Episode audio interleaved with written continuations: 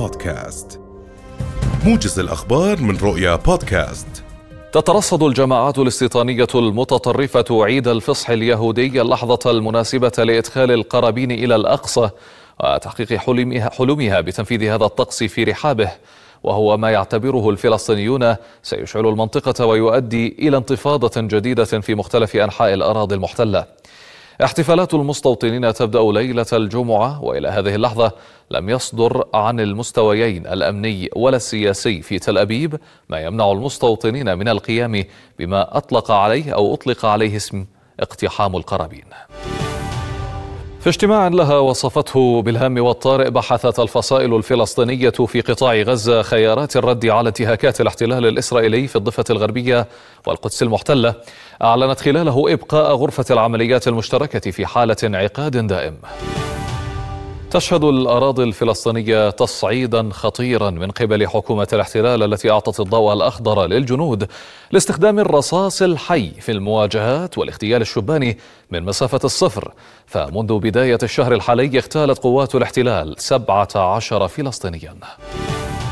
وإلى محلياتنا حيث قرر مجلس التربية والتعليم إيقاف الاعتراف بالشهادات الصادرة عن المدارس الدولية والخاصة في تركيا بدءا من العام الدراسي المقبل باستثناء الشهادات الثانوية للبرامج الأجنبية المعتمدة وبإخضاع حاملي الشهادات الصادرة عن المدارس الحكومية التركية لامتحان قدرات معرفية وتحصيلية تجريه الوزارة بعد استيفائهم متطلبات المعادلة.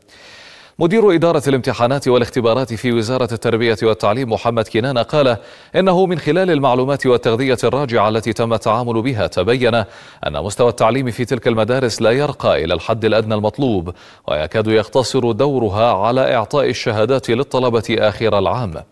وأضاف كنان أن تلك المدارس تعود لدول عربية متعددة يجري ترخيصها في تركيا وعند التواصل مع بعض دولها الأصلية يتبين أنها غير مرخصة وغير معترف بها في دولتها وعند اكتشاف أمرها تقوم بتغيير اسمها إلى اسم جديد لتمارس التضليل على الطلبة وأولياء الأمور أنجزت الحكومة الدفعة الثانية من تحديات المسرعات الحكومية التي تسهم في تذليل العقبات لمختلف التحديات الحكومية عبر إيجاد حلول فعالة وسريعة. وجرى الاحتفال في مركز المسرعات الحكومي بدار رئاسة الوزراء بإنجاز الدفعة الثانية من تحديات المسرعات الحكومية التي شملت أربعة تحديات رئيسية تتعلق بقطاع الطاقة والثروة المعدنية وقطاع الاقتصاد الرقمي والريادة بالإضافة إلى قطاع الإسكان والتطوير الحضري. وعملت على هذا الإنجاز فرق المسرعات من مختلف الجهات الحكومية بهدف تطوير حلول مبتكرة وفعالة بما يعزز جهود الارتقاء بمنظومة العمل الحكومي. مئات القتلى خلفتها فيضانات مدمرة اجتاحت مدينة دربان الساحلية وما حولها في جنوب إفريقيا.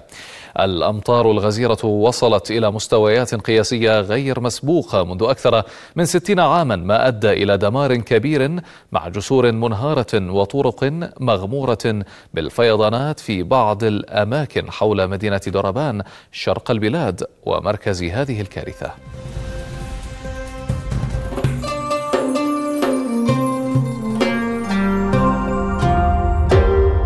رؤيا بودكاست